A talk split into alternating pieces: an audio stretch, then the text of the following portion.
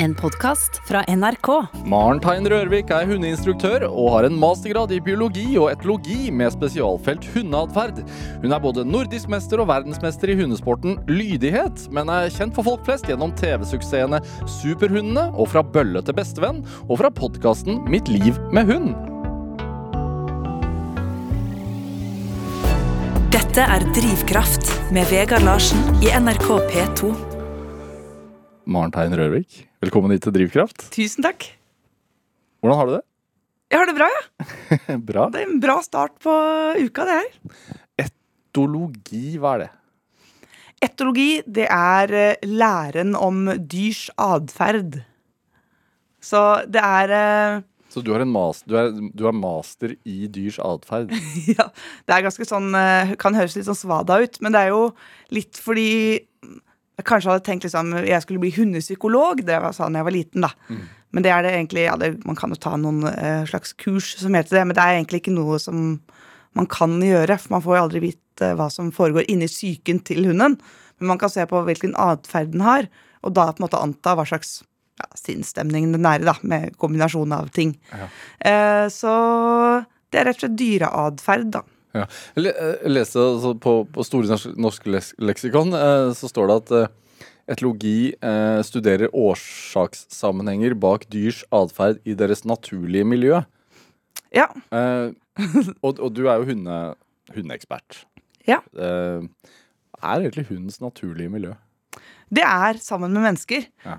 Eh, Så det er eh, litt sånn unikt med Men det er, det er jo et domestisert dyr, som det heter. Altså dyr som har blitt temmet eh, og Eller ikke bare temma, men som er måtte, blitt eh, avla og fremelska av mennesker, og dermed blitt til det dyret det er. Fra hvor, altså, fra hvor lenge siden vet man om det?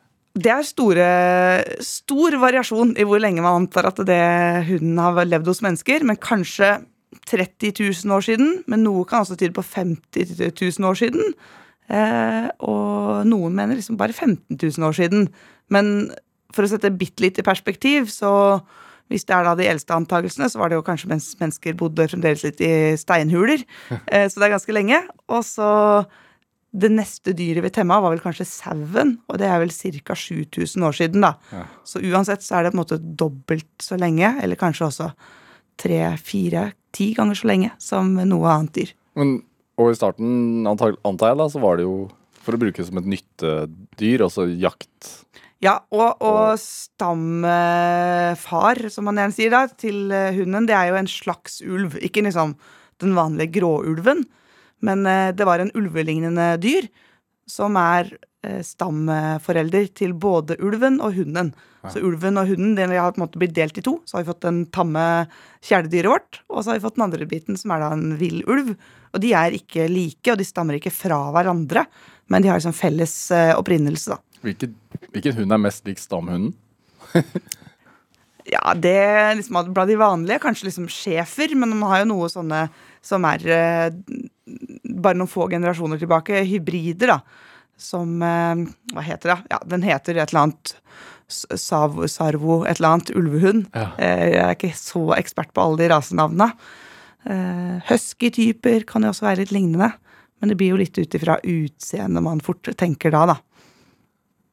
Og så har man noen eh, mer asiatiske hunder, som, eller afrikanske hunder også. Eh, australske hunder. Altså hvis man er på dingo, er jo en ganske sånn eh, hund som det er gjort ganske lite med siden opprinnelsen.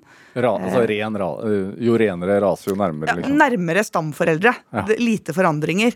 Eh, Veit også altså Bassenji, en liten sak.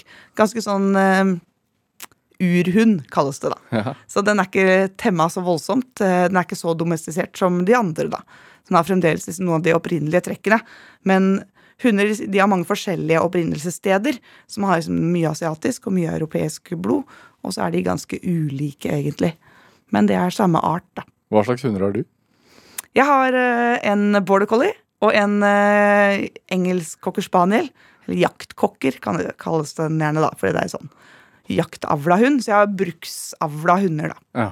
My, mye De trenger mye mosjon. Ja, det er mye motor. Ja. Veldig mye krutt og fart. Ja. Hva er deres naturlige miljø, sånn du ser det? Det er fremdeles blant mennesker, men uh, deres bruksområde er uh, Border collien er gjeterhund. Ja. Skal flytte og samle sau og, og hjelpe eieren sin med det. Og den eh, kokkeren den skal finne fugl. Hva gjør de hjemme hos deg, da? Ja, de gjør litt av det, men eh, nå har jeg slutta litt med den gjetinga, så nå er det mest eh, tur og agility. Ja, hva er det sånn for noe? hinderbane for hunder. Ja, det er sånn man ser hvor du eieren går ved siden av, så løper de raskest mulig gjennom. Går ikke ved siden av. Løper jeg ved siden. løper så fort jeg bare hæler. Jeg blir så andpusten og tung, tung i pusten at det aner ikke. Nei, jeg løper alt jeg kan da, for å få det til å gå raskest mulig. Så skal hunden hoppe over ting og, og gå slalåm mellom pinner og, og løpe gjennom rør og masse sånt. da. Ja. Du, du har vært med på det i helga? Ja, i helga har det vært konkurranse på Moelv. Så da har jeg konkurrert med begge hundene, da. Ja. Hvordan gikk det, da? Nei, det gikk, det gikk ganske bra. Jeg vant, Det er liksom flere løp, da. Jeg vant eh, to løp med border collien min. Og så ble jeg diska i alle løp med kokkeren. Men altså, diska det er ikke fordi det er sånn Å, dette var så dårlig at det ikke Det er veldig vanlig. Kanskje 70% av deltakerne disker, da. Det er vanlig. For det betyr bare For eksempel hvis de tar et hinder feil vei, oh, ja. eller eh, ja, ikke klarer et av hindrene, eksempel. Så min hund var ikke den eh, kokkeren da, som debuterte, gikk for første gang. Den klarte ikke den slalåmen så godt. Så da prøvde vi så mange ganger på den før vi fikk det til, at da hadde vi diska. da. Hva er, gøy, hva er gøy med det greiene der? Alt. Alt er gøy. Det er kjempegøy, fordi det er eh, Det er jo gøy. Hundene elsker det. Det går fort. Man skal ha eh, hodet på rett plass til enhver tid. Man skal ha mye koordinasjon. Det er fryktelig dårlig på, de to sistnevnte tinga der. Men det er god trening. Og ja, man skal jo motivere hundene til å gjøre, lære dem alle ferdighetene, og så skal det sitte i et konkurransemiljø hvor det er mange hunder og andre hunder rundt. Altså mye sånn Hun skal kunne skikkelig godt da, for å få det til i det miljøet. Og så er det veldig mye morsomme folk i sånne her eh, miljøer. Det er mye raringer. eh, meg inkludert, helt sikkert. Men det er mye ulike personligheter og mye sære folk. Og det er jo alltid gøy. Det er liksom å sitte på en flyplass og se på folk. Hvis du drar på et hundestevne og ser på folk, så er det bare å kose seg. Hvor mange er, altså, hvor mange er til stede på et sånt arrangement? Jeg syns du spør vanskelig nå, men uh, på det her kanskje det var 200, Ja. kanskje? Er det Når du er der Hvor mange kommer bort til deg? altså, du har jo blitt, du har blitt en hundekjendis. Ja, det er ikke så mange som kommer eh, bort til meg, litt fordi de er jo vant til å se meg der. Dette er jo mitt, mitt eh, hjemmemiljø. Ditt naturlige miljø. Ja, Ja. så jeg er jo på mange sånne stevner i året. Så de jeg møter der, eh, de kjenner jeg jo litt, liksom. Så det er ikke så spennende da. Ehm, Men det er typisk kanskje liksom noen unge jenter, da. Som ser veldig opp til og syns det er veldig gøy og vil ha et bilde. Som kommer eh, bort til liksom bare for å ha gjort det. Ja. Eh, Men det er jo alltid veldig hyggelig, det, altså. Er det? Altså for å få hunden til å gjøre som du vil da på den agility-banen. Mm. Hva, hva er viktigst liksom, med samspillet mellom hund og eier? Eh, det som er viktigst, det er eh, Man må ha god lydighet i bånd. Eh, og så må hunden ha skyhøy motivasjon, for dette skal gå så fort det går på tid. da. Hvordan, altså, kan man jobbe frem motivasjonen? Ja, Du må lære hunden å like belønninger. Det er det ene. Ja. Så at den syns det er gøy å leke eller godt å spise godbiter. Det er noe som kan læres. Eh, og så må man jo kunne alle hindrene veldig veldig godt. da. Øve masse. Så det er vanskelig som å si hva det er. For det er liksom hele pakka. Det blir litt som en, litt som en dans. Altså Hvis du skal være god i en dans, så er det jo mange ting. Altså Du må, du må jo kunne det du skal gjøre. da. Så må du ha god koordinasjon, og du må treffe dagen og holde fokus og alt sånt. Skjønner de at de konkurrerer, tror du? Nei, ja. Jo, på en måte gjør de nok det, fordi det, de blir jo kanskje litt ekstra fjerne i den situasjonen, men det er nok litt fordi de merker at vi er nervøse og blir påvirka av det. Jeg tror ikke de er sånn at de tenker at ja, nå skal vi prestere godt fordi jeg vil ha premie, på en måte. Altså, det er ikke noe De er jo ikke der. Nei. Men de merker på eieren at nå står noe på spill, liksom. Ja, Ja. det gjør de nok, altså. Så det er jo mange som mister hodet litt, altså både hunder og eiere, i den situasjonen, fordi man får litt nerver. Og da blir samspillet litt redusert. Men, eh, på mine hunder. Bank i bordet. Ikke, ikke blitt noe problem med det nå, da. Du har lagd podkasten Mitt liv med hund en stund, eh, hvor du intervjuer kjente personer om forholdet deres til hundene deres, og hva hvilken hund de har valgt sier om dem. Er, er det ikke noe sånt man kan si? Jo, det, det vis- kan jeg vis- vis meg hunden- innimellom. Vis meg hunden din. Jeg skal si, si, si deg hvem Jo, det er. det er mer litt sånn at uh, i podkasten så har vi besøk av ulike gjester, og de har med seg hunden i studio. Da blir man jo kjent på en litt annen måte enn når de bare har personen der. Så hvis du også hadde hatt meg her nå med alle hundene, så hadde man jo kanskje fått litt sånn hun er jo Hun sier at hun gjør sånn og sånn, men hun gjør jo ikke det. Altså Det hender at man avslører litt sånne Hvordan, ting. hva, har du et eksempel? Nei, men kanskje jeg sier sånn. Jeg er jo veldig opptatt av at eh, hundene skal være rolige og ikke plage andre da, når vi er ute og på farta med hundene. Og så hadde du kanskje sett at men her er det fullstendig kaos. Altså Det hopper og spretter og river ned alt fra bordene rundt her. Og, og sånn hadde det antagelig sett ut da hvis jeg hadde hatt med den kokkeren min spesielt. da, For den, er, eh, den er helt turbo. Så, så jeg kan godt ha lyst til å fremstå på en eller annen måte. Altså avslører hunden at det her er det noe som ikke er helt på stell. Men er det Det er jo litt sånn altså, Hvis man ser eier og hund sammen, så hvert fall hvis de har vært sammen en god stund, så ligner de litt. De kan ligne litt, og så er det den der at de eh, Machomenn kan dra på den lille babystemmen litt for å prate med lille hunden sin. Eller kanskje til og med en stor hund. Og det er alltid bare gøy, fordi det er, det er så rart at vi gjør det, og det er så universelt at vi gjør det. Eh, og, så, og så ligner de jo litt, da, særlig at, sånn at de er litt, litt gamle hunder. Da har de liksom blitt litt samme typen. Da stoler vi på hverandre, eller er kanskje hysteriske begge to fremdeles. Og det er jo litt eh, Bare sånn at vi blir jo forma av de vi lever sammen med, inkludert hunden. Hvordan ligner hundene dine på deg, da? Jeg håper ikke at jeg ligner på den border collien min, det må jeg bare si, for den er så Men jeg gjør det, vet du. Det er det som er det verste. For den er litt frynsete. Veldig, blir veldig fort sår for ting. Så hvis den eh, Nå er den snart åtte år, og vi har ikke hunder i sofaen fordi mannen min er litt sånn småallergisk, så det går bra, men ikke å ha de i sofaen. For det kan bli litt voldsomt med pels. Unnskyld at jeg ler, men er mannen din allergisk mot hund? Ja, lite grann. Men det er ganske vanlig. vel litt, Men i hvert fall, vi kan ikke ha den der liksom i sofaputene, da. Ja. For da blir det liggende og puste inn eh, hund. Eh, så den får ikke være i sofaen, i hvert fall. Og fremdeles nå, åtte år seinere, hvis de sier sånn Nei, men gass, ikke gå opp i her, da. Så ser du hele hunden bare Nei, det var det jeg visste! Du liker meg ikke! Og så går det liksom helt ut i gangen. Det blir sånn, litt sånn dramatisk. Og det kan være litt meg, altså, på en litt dårlig dag. Så vi ligner litt. Og, og kokkeren vimsete, uh, lite struktur uh, og litt uh, mangel på fokus. Det er jo også meg. Dette er Drivkraft med Vegard Larsen i NRK P2. Og i dag er hundeinstruktør Maren Tein Rørvik her hos meg i Drivkraft på NRK P2. Er det er du, er du født glad i hunder? Ja, det er jeg. Alltid vært glad i hund. Og eh, jeg har, vi er oppvokst på gård med kuer, hester, eh, kaniner, høner, delvis noe griser og sauer og katt og alt mulig. Men jeg har Ikke Jeg har alltid vært Jo, og hund. Ja, det viktig. og hund. Men jeg har hele tida vært interessert i alle dyr, men alltid hatt en ekstra interesse for hund.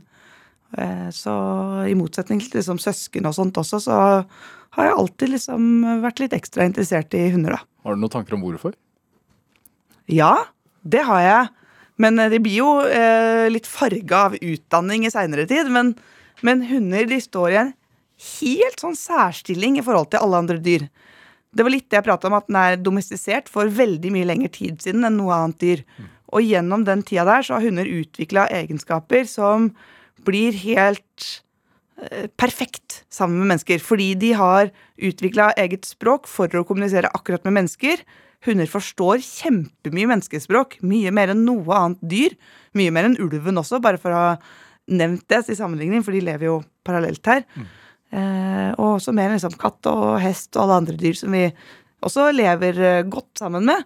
Men hunder forstår mye mer menneskespråk enn noe annet dyr. Og mennesker forstår mye hundespråk, enten de vil det eller ikke. Så man har gjort noen forsøk her, man, altså noen forskning, hvor man f.eks. har spilt av bjeffelyder for ulike menneskegrupper. Og mennesker som har eh, erfaring med hund, de kan forstå mange forskjellige typer bjeffelyder. Altså bjeffing av en hund som vil være med å leke, hund som har blitt forlatt og er trist for det, eller hund som vokter et område og ikke ønsker deg velkommen. Altså Man kan ha mange forskjellige sånne type bjeffelyder. Det hører man forskjell på. Ja, jeg nevner det, så kan jeg også tenke at Du hører jo forskjell på hvis det er en hund som passer på eiendommen og du ikke skal komme nærme, og en hund som har veldig lyst til at du skal leke med den. Så hører vi forskjell på det, selv om man kanskje ikke tenker over det.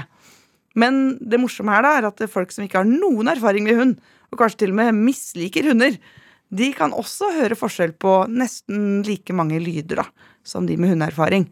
Så, og det har vi med oss uten å ha fått erfaring av. Dvs. Si vi er født med den egenskapen vi forstår hundebjeffing. Og bjeffing er en lyd hunder lager mest i kommunikasjon med mennesker. da.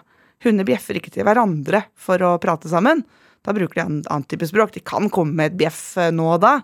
Men uh, bjeffing er for oss, enten, og det er det mange som ikke liker så godt, men det er for vår skyld, da, og vi forstår det. Så Så de har lært seg til, altså, til å bruke bjeff De har jo ikke For- lært, men de har blitt nedarva. Så Ja. når, uh, når vi bodde i steinhuler og fant ut at ok, den kjøteren bortpå her, den skal få litt ekstra kjøttbein, Mm. Så var det den hunden som fikk det, var antagelig den som var lettest å forstå. Den hunden som var vrang og, og bare ja, vanskelig å ha med å gjøre på alle måter. Vi skjønte ikke noe av hva den mente. Den gadd vi ikke liksom eh, fòre noe ekstra, antagelig. Men den som hadde litt sånn ekstra connection og var litt ekstra hyggelig, den eh, fremelska vi. Og så har dette da skjedd gjennom titusener av år. Og til slutt så har vi fått hunder som er skapt for å være hyggelig å være med sammen med oss mennesker. Så har man mange unntak. Man har jo mye dritthunder òg. Men det er mer et, eh, et senere problem, kanskje. Men sånn eh, Gjennom den domestiseringsprosessen så har vi fått hunder som er veldig hyggelige å ha med å gjøre jevnt over. Og lette å forstå. Og det er nok grunnen til at jeg har en ekstra sånn drive på å holde på med hund. Er for at de her kan vi jo forstå. Alle kan forstå dem. Og det syns jeg er stilig. Jeg har jo lært meg å forstå kuer veldig godt også, men det er jo ut fra liksom trening. Men hund, det er noe alle har, og noe alle kan skjønne ganske mye av, da. Er det enklere med, med dressur enn det man tror? Nei, altså det er i teorien veldig enkelt. Det er ikke noe vanskelig teori som trenger å ligge bak. Altså eh, sånn kort liksom, belønn det du vil ha mer av. Ignorer eller stopp det du ikke vil ha. Men å få det til i praksis kan være krevende på mange hunder. Og det er særlig fordi vi har mye dårlig hundeavl, så man har dårlig materiale å starte med. Som kanskje er litt nervøs for enkle ting, eller blir litt lett hissige, eller Altså man kan jo ha, ha ulikt utgangspunkt som gjør det vanskelig. Og så må man jo bruke litt tid på det, eller ha det litt i bakhodet i hvert fall. Og gjøre jobben, da. Det er litt jobb, men det er ikke vanskelig. Men er det, er det viktig? Man, altså jeg- har en sånn te teori oppi Nå vet jeg ikke om den stemmer, da, men sånn jeg føler at da jeg vokste opp eh, på 80-tallet, men kanskje også før det på 70-tallet, så drev man ikke så veldig mye hundedressur. Det kan nok stemme, det. Eh, men antagelig ja, Jeg veit ikke, jeg, men, men eh, jeg tror jo kanskje at det da var jo Bikkja var hjemme, liksom, og, eh, og den oppførte seg kanskje greit, men det var jo ikke noe spesiell glede heller, kanskje. Eh, men var kanskje har- trivelig. har altså, posisjonen i hjemmet har endret seg, liksom? Ja, ja, det er litt det jeg mener, ja. At det har jo blitt mye mer, mye større del av familien nå, da. Altså hun er liksom litt sånn familiens midtpunkt, og det krever mye mer av hunden enn om den bare står på en kjetting på utsida av huset Ja. og kjeder seg litt og blir lufta og, og leika med innimellom.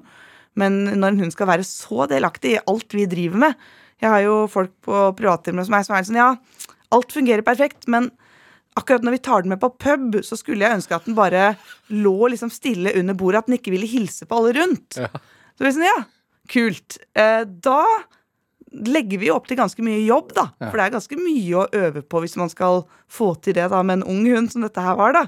For den er jo glad i livet og Men med en voksen hund så blir jo dette lært kanskje etter hvert, med erfaring, og det går seg til. Men hvis dere skal ha på plass god god lydighet og veldig sånn perfekt eh, fungerende hund i alle situasjoner fra tidlig av, så er det jo masse jobb, selvfølgelig. Men er det Skal man kunne forvente det av en bikkje? Jeg veit ikke. Er, med den hunden det gjaldt, så var det fullt mulig, for den var liksom en sånn type. Men, uh, som trivdes antagelig med det. Men, uh, og, var, og var også veldig mye trent på det. Det var liksom Hunder venner seg jo til Eller jeg pleier å si at det hunder blir uh, Gjør mye, det hunder gjør mye, blir de også gode på. Så hvis hunden står mye og bjeffer på verandaen, så blir den god på det. Det er også litt viktig å huske, da. Men hvis hunden er mye med deg, er med deg overalt og må slappe av, Ja. ja, da blir den god på det. Men hvis den er med deg masse rundt og bare stresser, og det blir kjefting og mas, da veit jeg ikke helt hva den blir god på, men det er antagelig ikke det du ønsker. Så hvis man får det til, og gjør det mye, så går det litt av seg sjøl. Ja. Men hvis uh, man uh, gjør det lite og, og dårlig, så blir det jo feil, da. Velger Velger vi litt feil hund? Ja, selvfølgelig er det jo Altså- Det er jo veldig, det er veldig vanskelig å finne hund, fordi én ting er å kanskje ende opp med en rase. Det er jo liksom hovedjobben, kanskje. Sette seg opp en liste med ti aktuelle hunderaser. Men innen én rase så er det altså så store variasjoner at det, det Man kommer ikke så mye lenger med å ha valgt rase engang. Ta den rasen jeg har, da, cocker spaniel. Mm. Det kan jo være litt sånn treige. Det er jo sånn lady og landst... Nei, jo, lady og landstrykeren-hund, da. Så Ser, rolig, ser i utgangspunktet ut som en rolig, søt rolig, søt kosehund. familiehund. Ja. Eh, Men så har du min versjon, som er jaktavla. Så alt den ønsker på sommerhalvåret, det er å finne fugl. Den stikker gjerne av for å finne det, og du ser bare skyggen av den eh, hvis den er løs. For den løper så fort overalt, og har jo da liksom det energinivået som ikke er, ikke er forenlig med det vanlige familielivet. Men det er samme rase. Den rolige kokkeren med lange ører og den Formel 1-hunden jeg har. Eh, Så én ting er rase, men man må også se litt på hva som er avlsmålet med akkurat den kombinasjonen av foreldredyr som er gjort. da. Ja, men er det litt sånn at man velger hund basert på hvordan den ser ut? Ja, det tror jeg er Det tror jeg nesten aldri vi kommer til å komme bort ifra. At man eh, vil velge mye på utseende, og velge mye på tidligere assosiasjoner. Så ja, men Bestefaren min hadde jo en border collie, den var alltid så grei. Eh, og så visste man kanskje, tenkte man kanskje ikke så mye over at bestefar han hadde jo også 300 sau og hadde med seg en hund på jobb hver dag. Derfor var den hunden veldig rolig og, og tilfreds. da. Den fikk løpt fra seg. Den fikk løpt fra seg og fikk gjort det den var avla for. Eh, Mens når man var på besøk, så fikk man kanskje bare se den derre kremversjonen. Fordi da, da skulle den jo slappe av uansett. Og tenker sånn, den, den passer i en leilighet i Oslo. Men med ca. Ja, 400 hunderaser så er det jo ikke noe problem å få begge deler. Sånn stort sett, i hvert fall. Så man kan jo finne mange bra hunderaser basert på egenskaper først. Og så kanskje selektere litt på utseendet, da. For det er klart at eh, jeg syns det er fint å ha en hund som man syns er fin å kose på eller eh, fin å se på. Det er lov. Når visste du at uh, du skulle bli verdens beste hundetrener? Jeg veit ikke om jeg kan si verdens beste hundetrener. fordi men det er eh, Innenfor lydighet, da. Ja, eh, i liksom konkurranselydighet, som er en hundesport, blir liksom dressur på hest, at det er flisespikkeri og ikke så veldig eh, relevant for hverdagslivet med hund. Men uh, når jeg var uh, Fra jeg var 10-12 år, så var jeg veldig aktiv på hundekurs, altså sånn bronsemerkekurs og hverdagslydighetskurs og sånt, med familiehunden vår, en gammel schæferhund. Eh, Og når han på en måte var utlært og lei, så søkte jeg etter flere andre hunder. Så da begynte jeg å trene hunder til venner av familien. Som kanskje hadde fått seg en hund og ikke hadde, fant ut de ikke hadde så god tid. og sånn. Så da, altså, da var du ung, da. Ja, jeg var 11-12 år, da, så da var det buss og tog og brukte mange timer på å bare reise fram og tilbake. Men hvor, hvor, hvordan kom du fram til dette her? Altså hvordan jeg fant ut at jeg ville gjøre det. Ja. Nei, jeg, jeg syntes det var gøy, da. Og så, så var hundeinstruktøren min var veldig flink. Han var veldig Altså, han skrøyt veldig mye, da. Eh, så, og det er jo motiverende når man er eh, 10-12 år. Så er det jo stas å liksom få høre at man er flink og sånt. Da tror man jo på det. Så da ble det til at jeg dreiv med det, og så sa han også til foreldrene mine, sånn at jeg skulle høre det flere ganger, så sa han at Maren må få seg en border collie, for da blir hun verdensmester i lydighet. Var det han sa, da. Så tenkte jeg bare ja, det er det jeg må. Og så maste jeg og grein meg til å få en border collie i løpet av to år syting. Ja. Til slutt så fikk jeg lov til å få den border collien. Og da var jo planen klar, da. For den var satt litt, eh, det var satt litt griller i hodet på meg. Så da jobba jeg mot å, å vinne VM i lydighet, da. Så det ble, ble jo Hva het den? Bård, Amira het en border Ja. Hvordan begynner altså, Og da var du Hvor gammel var du da? 12 år? Jeg var 14 år da jeg fikk henne, da, for Ja. det var et par år med masing der først. Hvordan begynner du da? Starter med sånn vanlige ting. Eh, valpekurs og grunnkurs og liksom lære den sitte og ligge og alt sånt. Og så måtte jeg få motivasjonen høyere opp, for ting skal gjøres mye mye raskere enn det som er vanlig for en hund. Eh, og mye mer sånn presisjon, da. Så jeg gikk masse kurs og trente i hundeklubben og trente med venninner. og Så liksom vennemiljøet mitt, alt, var jo allerede da veldig knytta til hundemiljøet, da. Da møttes vi på nett, da. Allerede da, faktisk. Fant- Fant andre ungdommer som var interessert i hundetrening, og så møttes vi rundt i parker og, og trente. Så det ble en slags sånn sosial uh, Hva skal man si, valuta for deg? Det? Absolutt. Ja. Ja, ja, det var jo etter hvert når jeg begynte å reise rundt og konkurrere. Da det, hun bestevenninna mi var da et par år eldre enn meg. Eller er jo fremdeles det, da. så hun fikk jo etter hvert lappen også, så da kunne vi jo kjøre rundt på stevner og overnatte på et shabby motell og, og alt mulig sånt når vi skulle konkurrere, da. Så veldig mye sosialt ved det. Det var liksom eh, kombinert vennetid og hobby. Det er vanlig når, barn får, får hund, er å si at ja, det, det blir din, det er din oppgave. Nå har du mast så lenge, det, du, da må du skjønne at det er et ansvar her. Ja. Var det sånn for deg òg? Ja, det kan du si, men det var liksom aldri Altså, jeg var jo bare ergerlig over at den valpen sov så mye, fordi jeg ville jo ut og trene. Ja. Så det var det jeg var mest skuffa over til å begynne med, husker jeg. Men øh, de trengte aldri å be meg om å lufte eller fòre den hunden. Det hadde jeg allerede gjort med liksom, familiehunden i en fi- fire- fire-fem år allerede. Så fra jeg var sånn åtte år, så Nå vet jo ikke jeg, det er jo fra mitt perspektiv, men da følte jeg liksom at jeg tok hundeansvaret hjemme. Og var litt oppgitt over liksom eh, at eh, foreldrene mine kunne gjøre det sånn eller sånn. Det måtte jo Herregud, det må jo Her må vi jo trene på å gå pent i bånd, liksom. Kan ikke gå sånn. Ja. Så jeg tok jo veldig mye styring på den hundefronten da, selv om det ikke var mitt ansvar. Og det er jo alltid noen foreldre som har et ansvar i bånd, og de var jo veldig det var derfor jeg måtte mase i to år før jeg fikk hund. Fordi de visste at ok, men det er eh, et barn som går inn i tenåra. og Interesser kan forandre seg veldig. Men um, når jeg var så fokusert på det allerede i noen år sammenhengende, så gikk de med på det da, heldigvis. Hvor mye selvtillit tror du du har fått pga. at du hadde hund tidlig? Masse! Det har kjempemye å si. Eh, Så jeg er jo den første som er litt sånn Hvis, hvis man har barn som syns det er kjempegøy med hund Selvfølgelig burde de jo få lov til å ha hund. Eh, Men, men det burde jo foreldrene også da være eh, klar over at det er jo kanskje deres ansvar for alltid, men kanskje er det den ungdommen som tar fulle ansvar, at det blir deres hund. Men det har masse å si for eh, mental helse, hvis man skal gå på det. Jeg har ikke hatt noe trøblete ungdomstid, jeg, men den hunden har jo vært veldig holdepunkt gjennom ungdomstida. Hvordan da? Jeg var i hu med bikkja. Alltid. Så når jeg hva vil det si? ja, nei, når jeg gikk i tiende klasse, og noen skulle røyke på hjørnet, eller eh, bare liksom være kule på en eller annen måte, stjele i kiosken Altså, det var jo sånn dumme ting ungdommer kanskje gjør. Så var liksom mitt holdepunkt at eh, nei, men, men jeg må ut til bikkja. Jeg tok jo med bikkja Den ungdomsskolen jeg gikk på, den var litt sånn i et skogholt. Eh, som var helt sånn rolig inngjerda på en måte rundt. Da, for det var jo skole, en del av skolegården som ikke ble brukt. Ja.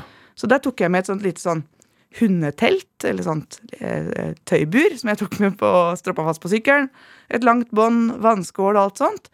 Så da kunne jeg sykle med bikkja til skolen. Binda i et tre der, så hadde jeg liksom huset sitt og alt sånt.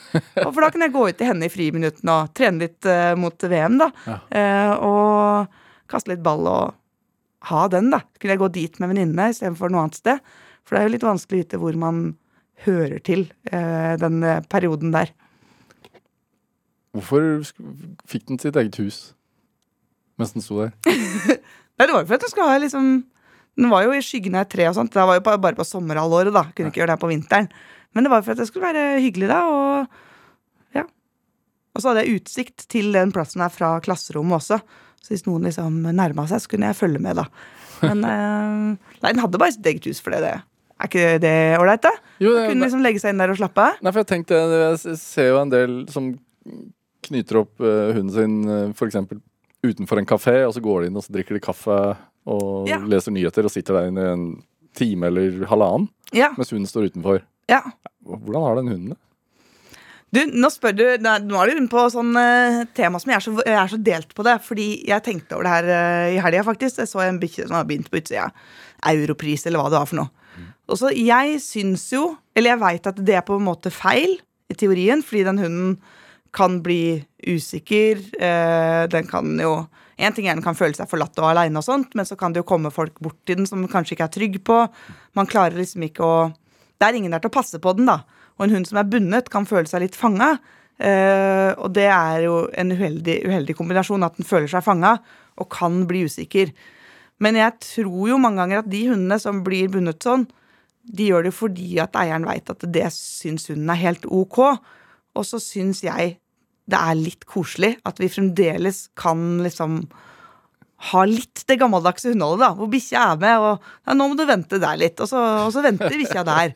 Um, så jeg er litt delt på det. Det kommer litt an på om det funker eller ikke, men jeg veit at det, det er litt uglesett, eh, for å si det mildt. Det er veldig kritisert hvis man binder hunden utenfor steder. Eh, Det er jo også fordi hunden kan bli stjålet og sånne ting. Hvis man har oversikt, sitter ved siden av hunden omtrent, da, inne på den kafeen, når man har full, eh, fullt utsyn til hunden, så tror jeg at det er helt greit for mange hunder. Ofte står hunden sånn og ser sånn lengtende på døren. da. ja, men, de følger jo med, da. De er jo laga for det. Jeg tror vi skal være noen ganger litt forsiktige med å gå for langt i å menneskeliggjøre hunder. Fordi de er fremdeles dyr. De er jo de er laga for et sosialt liv sammen med mennesker og sånt. Ja. Men de tåler også fint å vente. Det gjør jo også jeg. sitter og venter på et tog som ikke kommer innimellom. Blir ventende i halvannen time istedenfor den halvtimen jeg trodde. Og det er litt kjedelig, men det går nok greit, da. Da sitter man der og kikker på livet, da. Ja. Eh, og jeg tror det er viktig at vi ikke sykeliggjør alle hunder bare fordi noen hunder kan synes det er ubehagelig. Ja. Border collien min kunne jeg jo ikke bundet sånn, for den er litt redd for noen type mennesker. Er litt bekymra type. Men, eh, men cockeren hadde jo elska det, særlig hvis noen kom bort. Hun hadde jo elska livet sitt. Å sitte der og se på byduene og kose seg. Men, eh, men jeg blir jo litt redd for hundetyveri og sånne ting også. Skal man gå bort til hunder, eller skal man vente? Man skal, man skal ikke gå bort til hunder som er bundet. eh, Nei, man skal ikke det. Uh, Martein Rørvik, vi skal spille litt musikk. Ja. Uh, du har med en uh, låt som heter 'Dangerous'. ja. Eh, hvorfor det? Nei, altså, Jeg kunne jo liksom valgt mange forskjellige låter når jeg fikk oppgave om å velge en låt. Jeg burde kanskje valgt liksom en Coldplay-låt som er liksom i mitt hjerte. Men jeg tenkte at eh, det vi trenger i dag, det er litt mer attitude. Folk blir uh, krenka og blir litt puslete innimellom. Det er også litt det med de hundene som står på utsida et eller annet sted. Vi må ikke, vi må ikke være så puslete alltid. Eh, det er litt sånn peptalk til meg sjøl også. Så den låta 'Dangerous' av Royal Deluxe, det er en litt sånn låt som jeg kan gjøre. Lokke barnehageporten, eh, levert ungen, og som skal på jobb og prestere litt. Så setter jeg gjerne på den her i bilen for å få litt attitude. Og jeg tar den ikke ordrett, for den er litt stygg, men eh, Nei, jeg bare liker den, fordi at det får, det får fram en litt sånn eh, versjon av meg som er sånn Nei, men for fader, vet du hva? Nå bare gønner vi på, og så tar vi det derfra.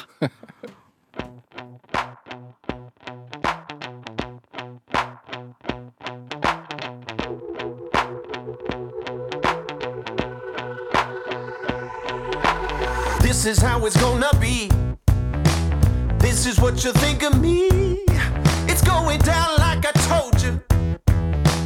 This is how it's gonna be. I'll be the last man standing here. I'm not going anywhere. It's going down like I told you. I'll be the last man standing here.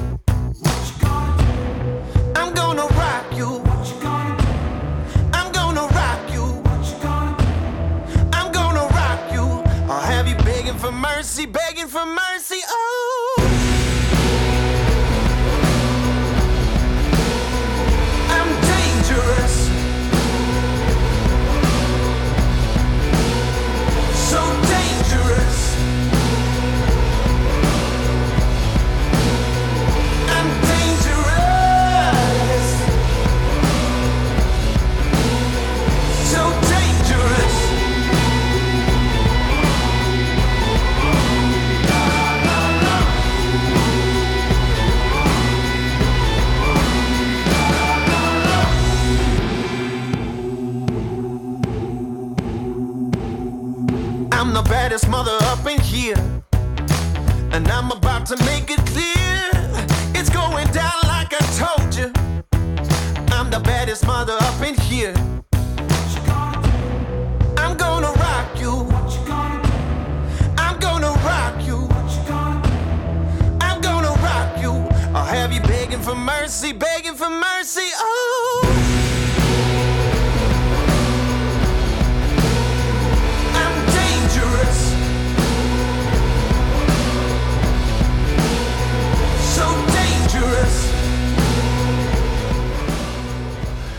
Ja, Du fikk en uh, smakebit av låten 'Dangerous' av Royal Deluxe her i Drivkraft på NRK P2. Valgt av dagens gjest her i Drivkraft, nemlig hundeinstruktør Maren Tein Rørvik.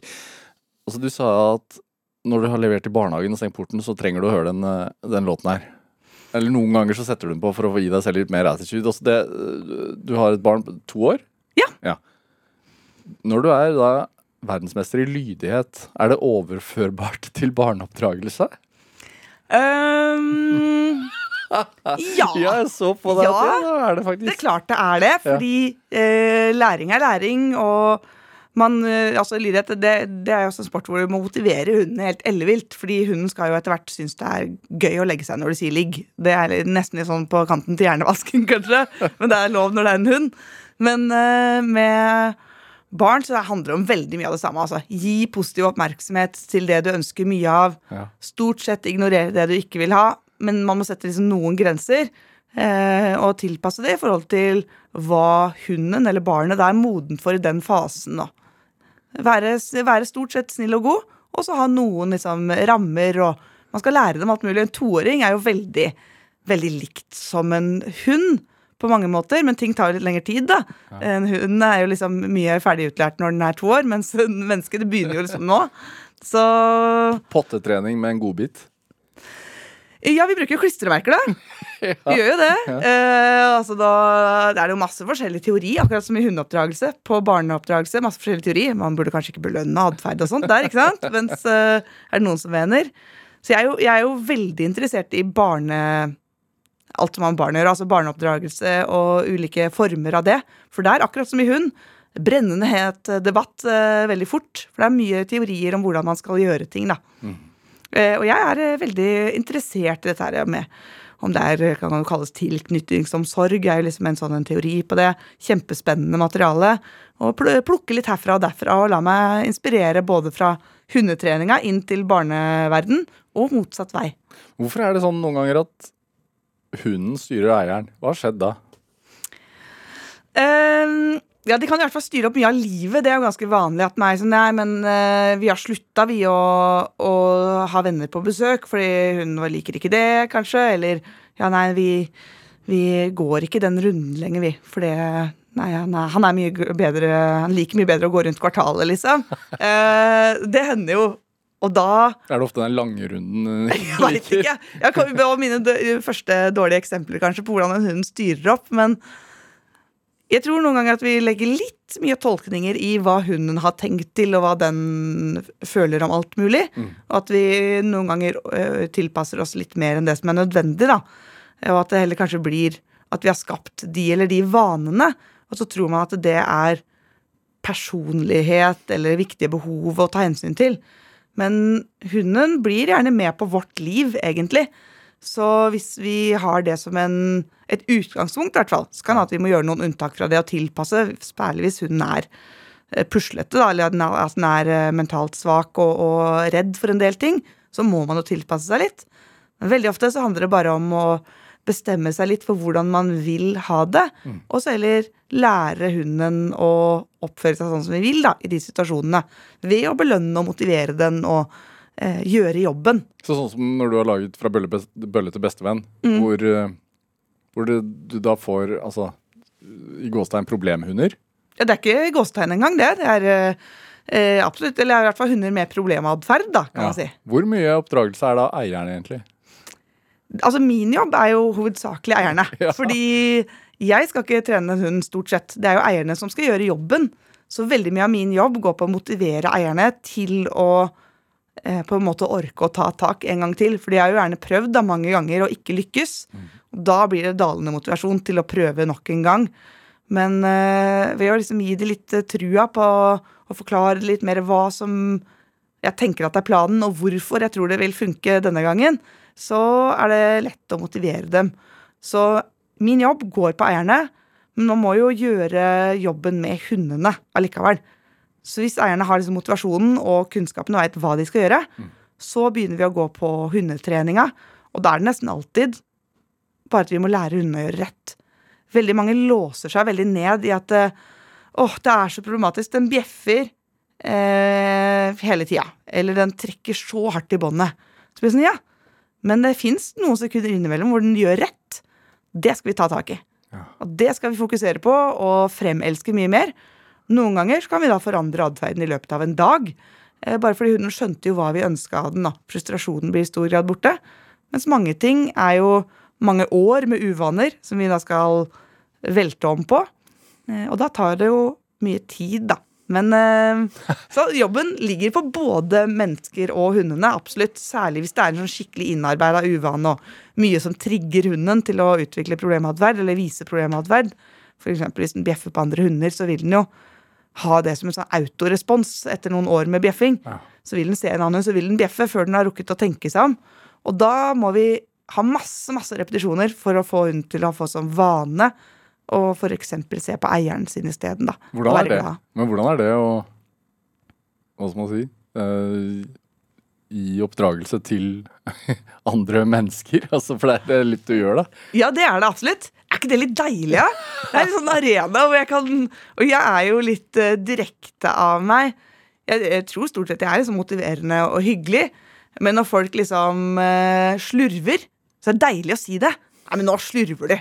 Nå må du ta deg sammen. Så for Altså, eksempel nei, nei, nei, nettopp det bare jeg kan si, da. Men at de eh, har dårlig timing, da. De skal si bra eksempel hver gang hunden ser på en annen hund, Ja. for å få hunden til å være glad når den ser en annen hund, istedenfor å være sint.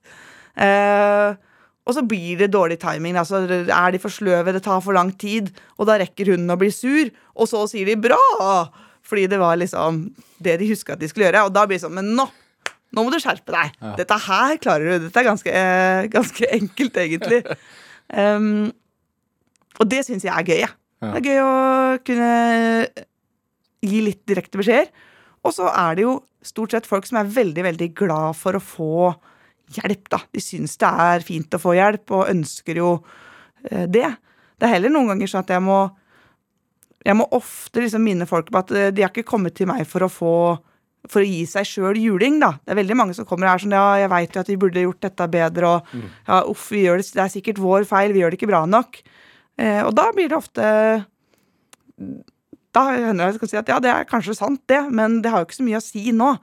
Og det er ikke nødvendig å gi deg sjøl juling for det. Fordi hunden er jo også en faktor her. Hunden gjør noe gærent for at det skal bli så ille som det er. Så dere er to om det, minst. Og, og ved å gjøre de her justeringene, så får vi det, får vi det til. Kan du bli fortvila noen gang? Ja, det er klart jeg kan det. Og det er jo særlig sånn Hvis det betyr alt for eierne, og så ser jeg at eierne gjør all jobben de kan, og så ser det likevel litt håpløst ut, da kan jeg bli litt fortvila. Det er ikke alltid det ser eh, lovende ut, altså. Og så har man jo noen hunder som er gærne, eller som er, eh, har så høyt stress at det er, de trigges av alt rundt seg. Og, og man kan noen gang gå over i den vurderinga som jeg har hunden det bra nå? Eller er det liksom, og er det håp for at dette skal bli bedre innen en tid som er eh, Står på en måte treningstida i forhold til den velferden vi ønsker å oppnå, da. Så når det blir sånn eh, på vippepunktet om er det bedre med avlivning enn å prøve å løse problemet, så kan man jo bli litt fortvila. Man vil jo gjerne fikse det, særlig hvis eierne da har veldig lyst. da. Er det Altså For å bølle til Vestbjørn ble jo en kjempesuksess. Ja. Over hva var det, over en million seere. Ja, stemmer. Eh, hvordan har du merka det? Det har jeg merka ved at man blir jo gjenkjent eh, overalt, egentlig. Ja. Eh, jevnt over. At man merker, Men det er ikke så mange som liksom tar kontakt. Og det er ikke så mye, egentlig, men man bare registrerer at eh, folk kikker to og tre ganger på en måte, og snur seg, snur seg for å være sånn Ja, det var hun, ja. Hvordan er det? Så det er liksom det. Det er litt rart, men helt ærlig, det bryr meg ikke så veldig mye. Altså, Folk kjenner jo igjen andre folk stadig vekk, og de fleste er litt som meg. Jeg er litt sånn dårlig på å koble hvor man har det fra.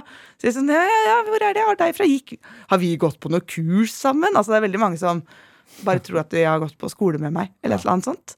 Så um, det har ikke så mye å si, altså. Men du har også fått en standing som personen man oppsøker hvis man har en problemhund. Ja, og det er jo den, den biten jeg kanskje får sånn dårlig samvittighet for, og som kan stresse meg litt innimellom, det er at jeg får så sinnssykt mye henvendelser. Eh, har en, et telefonnummer som bare er på en telefon som er av eller på, men jeg, jeg har ikke rørt den på år og dag. Det hender at jeg ringer litt fra den når jeg skal ringe øh, noen.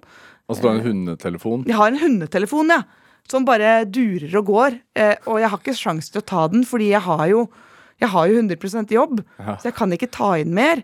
Men da blir det jo til at jeg ikke besvarer, da. Eh, og sammen med mail. Altså det renner inn med både korte og lange mailer fra fortvilte hundeeiere som ønsker hjelp. Så prøver jeg å holde unna innimellom, men, men eh, når jeg veit at jeg ikke har kapasitet til å hjelpe noen uansett, så blir det litt sånn at det bare fyller seg opp. Så kunne jeg liksom vurdert sånn, jeg burde hatt noen ansatt til å svare opp, men da må jeg lønne en person for å ta jobb jeg ikke kan ta. Ja. Eh, Det høres ut som et veldig tapsprosjekt. Så, så det er veldig mye sånn eh, jobbpress, egentlig. Jeg skulle gjerne, jeg burde egentlig liksom jobba mye mer for å få holdt unna. Kunne gjort det. Men eh, så er jeg litt sånn eh, nøye på at jeg skal styre opp tida mi, sånn at jeg også har det bra, da. Og har masse tid til dattera mi og egne hunder. Er du god til å si nei, da? Jeg har blitt veldig god på å si nei. Ja. Og det er sikkert litt eh, Det er både positivt og negativt, det, altså. Men jeg har blitt veldig god på å si nei og være litt kort på det. Henne jeg prøver liksom å finne på en eller annen veldig god unnskyldning, men nå har det bare blitt litt sånn at nei, dessverre, jeg har ikke kapasitet. Ja. Eh, og så får det bare være med det. Men jeg prøver jo da å eh, lei, google og leite meg fram da, til liksom et alternativ de kan søke opp. Men eh, det er ikke alltid jeg rekker det heller. Men er det noen du takker ja til? Eller sånn du, som du tenker sånn Ok, her må jeg Jeg har kommet hit, da. ja, ja, ja, ja, men nå tenker jeg sånn hvis man har, et, har en case, da. En, Ja. Eh, nei, i de periodene hvor jeg har fulgt opp, så har jeg fulgt opp. Ja. Da prøver jeg ikke å ta inn noen flere. For det blir veldig vanskelig å skille på de fem, dagens 50 mailer. Hvem av de er det som er viktigst, liksom? eh, og så er det ikke alltid jeg rekker å lese gjennom heller, altså. Så, men i, nå det siste halvåret så har jeg holdt privattimer flere dager i uka. Fordi, fordi jeg har hatt tid til det. Og da får jeg holdt unna og svart masse mail og tatt masse privattimer. Men nå starter jo produksjonen av Bølle sesong tre, og da må jeg jo jobbe med det, da. hva ser dere etter når dere velger hund og eier? Til Bølle eller til egen? Ja, til bølle. Til Bølle, da Nei, det, det er en kombinasjon. Det skal jo være øh, fine folk som, er, som øh, passer inn i gruppa av mennesker. Det skal liksom være litt variasjon i alder og alt mulig sånt. Eh, og så skal det være ulike hundeproblemer, og problemet burde være liksom stort nok til at det har noe å si. At det ikke bare er sånn ja, det hadde vært kjekt om den oppførte seg litt bedre, men at det har hva står på spill? Det blir ofte spørsmålet da, hva står på spill her? Men hvis det står mye på spill, så er, vi, er det mer eh, TV-materiale, og dessuten veldig gøy å jobbe med. For da har vi eiere som kommer til å gi alt for å løse det. Så skal det ta litt tid å løse, for vi har jo ganske mange måneder her hvor vi skal jobbe med en ting. Så det er litt uinteressant å ta, ta ting du kunne løst på en halvtime.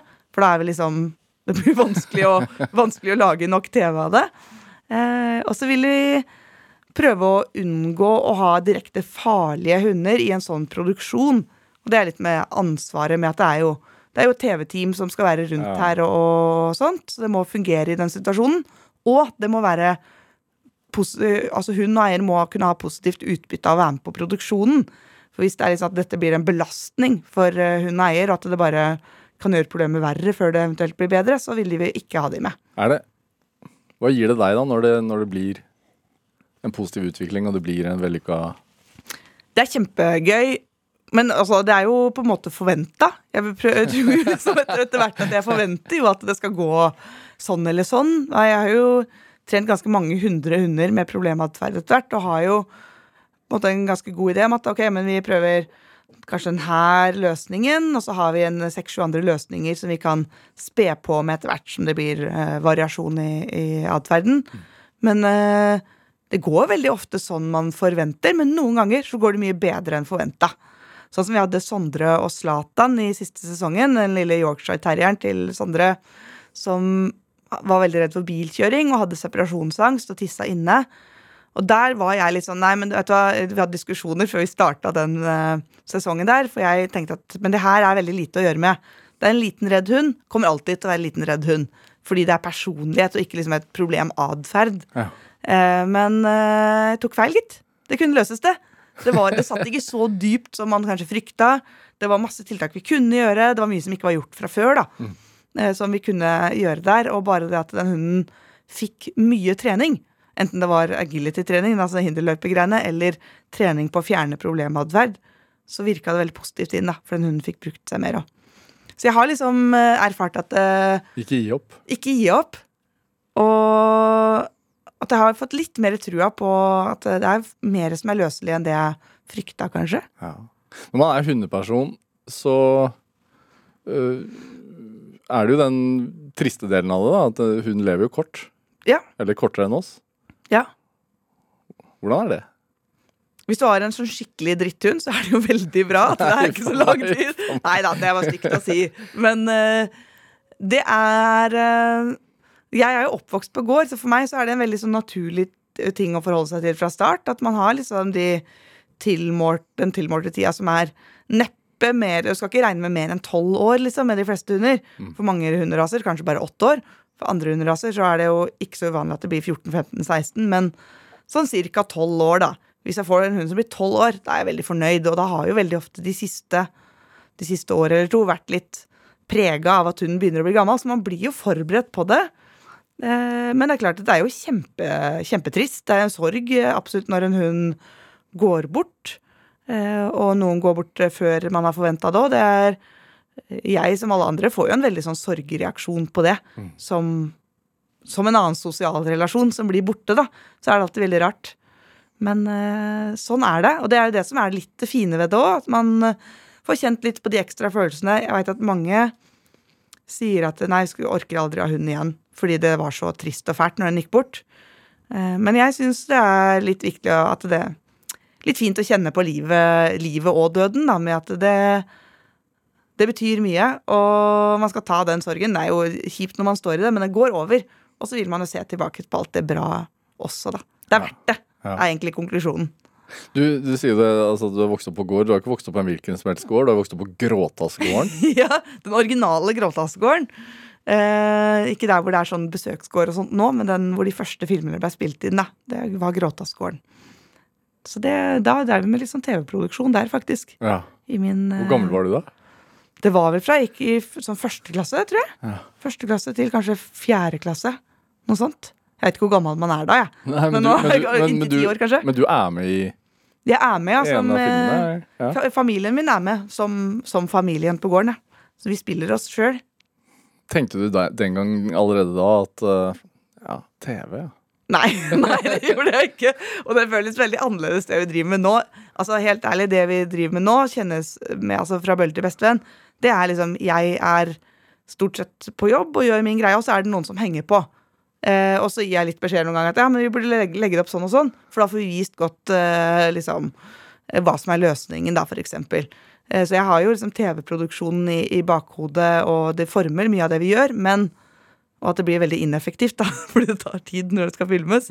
Men eh, jeg føler liksom at det, jeg er meg og driver med hundetrening, og så gjør vi litt annet i tillegg, bare. Blir du lei hund?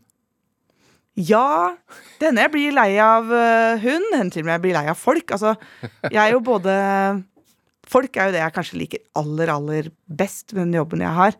For det, de, de, de gir litt mer enn bare hunden. Det er den kombinasjonen. Men hvis jeg har holdt på med problematferdskonsultasjoner, sånn som jeg har gjort, gjort litt i vinter, da, men eh, dag ut og dag inn og mange dager i uka, så kan jeg noen ganger kjenne at men nå vet du, hva, nå kjenner jeg ikke bryr meg så mye mer om at eh, hunden din bjeffer på andre hunder. Nå er jeg litt, jeg er litt lei av det problemet, jeg. Eh, og det tror jeg er litt sånn det kan være i alle jobber, da. At man kan bli litt lei av det som blir litt sånn repetativt, selv om det er nye hunder og nye utfordringer. Men eh, jeg snor meg stort sett unna det å bli lei, fordi at jeg varierer litt som hvilke typer jobber jeg gjør. da. Altså perioder holder jeg mye foredrag, eller så holder jeg mye TV-produksjon, eller mye problematferd, eller noen ganger hundesport gjør jeg som en variasjon. Så det kjennes ikke som det er så veldig likt, Hva- og da går det bra. Hva er det viktigste å tenke på, tenker du, hvis man går og grubler på om man skal få seg hund? Det viktigste det er altså Rasevalg er selvfølgelig kjempeviktig. Hvis du kjøper deg hund som blir helt feil i forhold til livsstilen din, så er det på tynn is. Eh, og så blir det andre er å trene hunden. Dra på kurs. Mange kurs. Ikke bare ett valpekurs. Dra på kurs de to første åra av hundens liv. Minst liksom tre kurs i året. Tenker jeg. Fordi da får du liksom inn i dagsrutinen og blir fulgt opp og Ja. får trent hunden din i miljøer med andre hunder rundt og sånt. Hva tenker du er din drivkraft, da? Jeg tror det er to ting. Det ene er det her med mennesker. At uh, jeg syns jo den hundetreninga er forholdsvis enkel. Jeg har på en måte en ganske stor verktøykasse på det, så kan hjelpe dem. Og det andre er å kunne formidle at hundetrening er litt enklere enn man skulle tro. Fint. Maren Teiner Ørvik, tusen takk for at du kom til Drivkraft. Hør flere samtaler i Drivkraft på nrk.no eller i appen NRK Radio. Send oss gjerne ris og ros og tips til mennesker du mener har drivkraft. Send en e-posten til drivkraft.krøllalfa.nrk.no. Vi hører veldig gjerne fra deg. Produsent og researcher i dag var Ellen Foss Sørensen. Dette var Drivkraft. Jeg heter Vegard Larsen. Vi høres. Du har hørt en podkast fra NRK. Hør flere podkaster og din NRK-kanal i appen NRK Radio.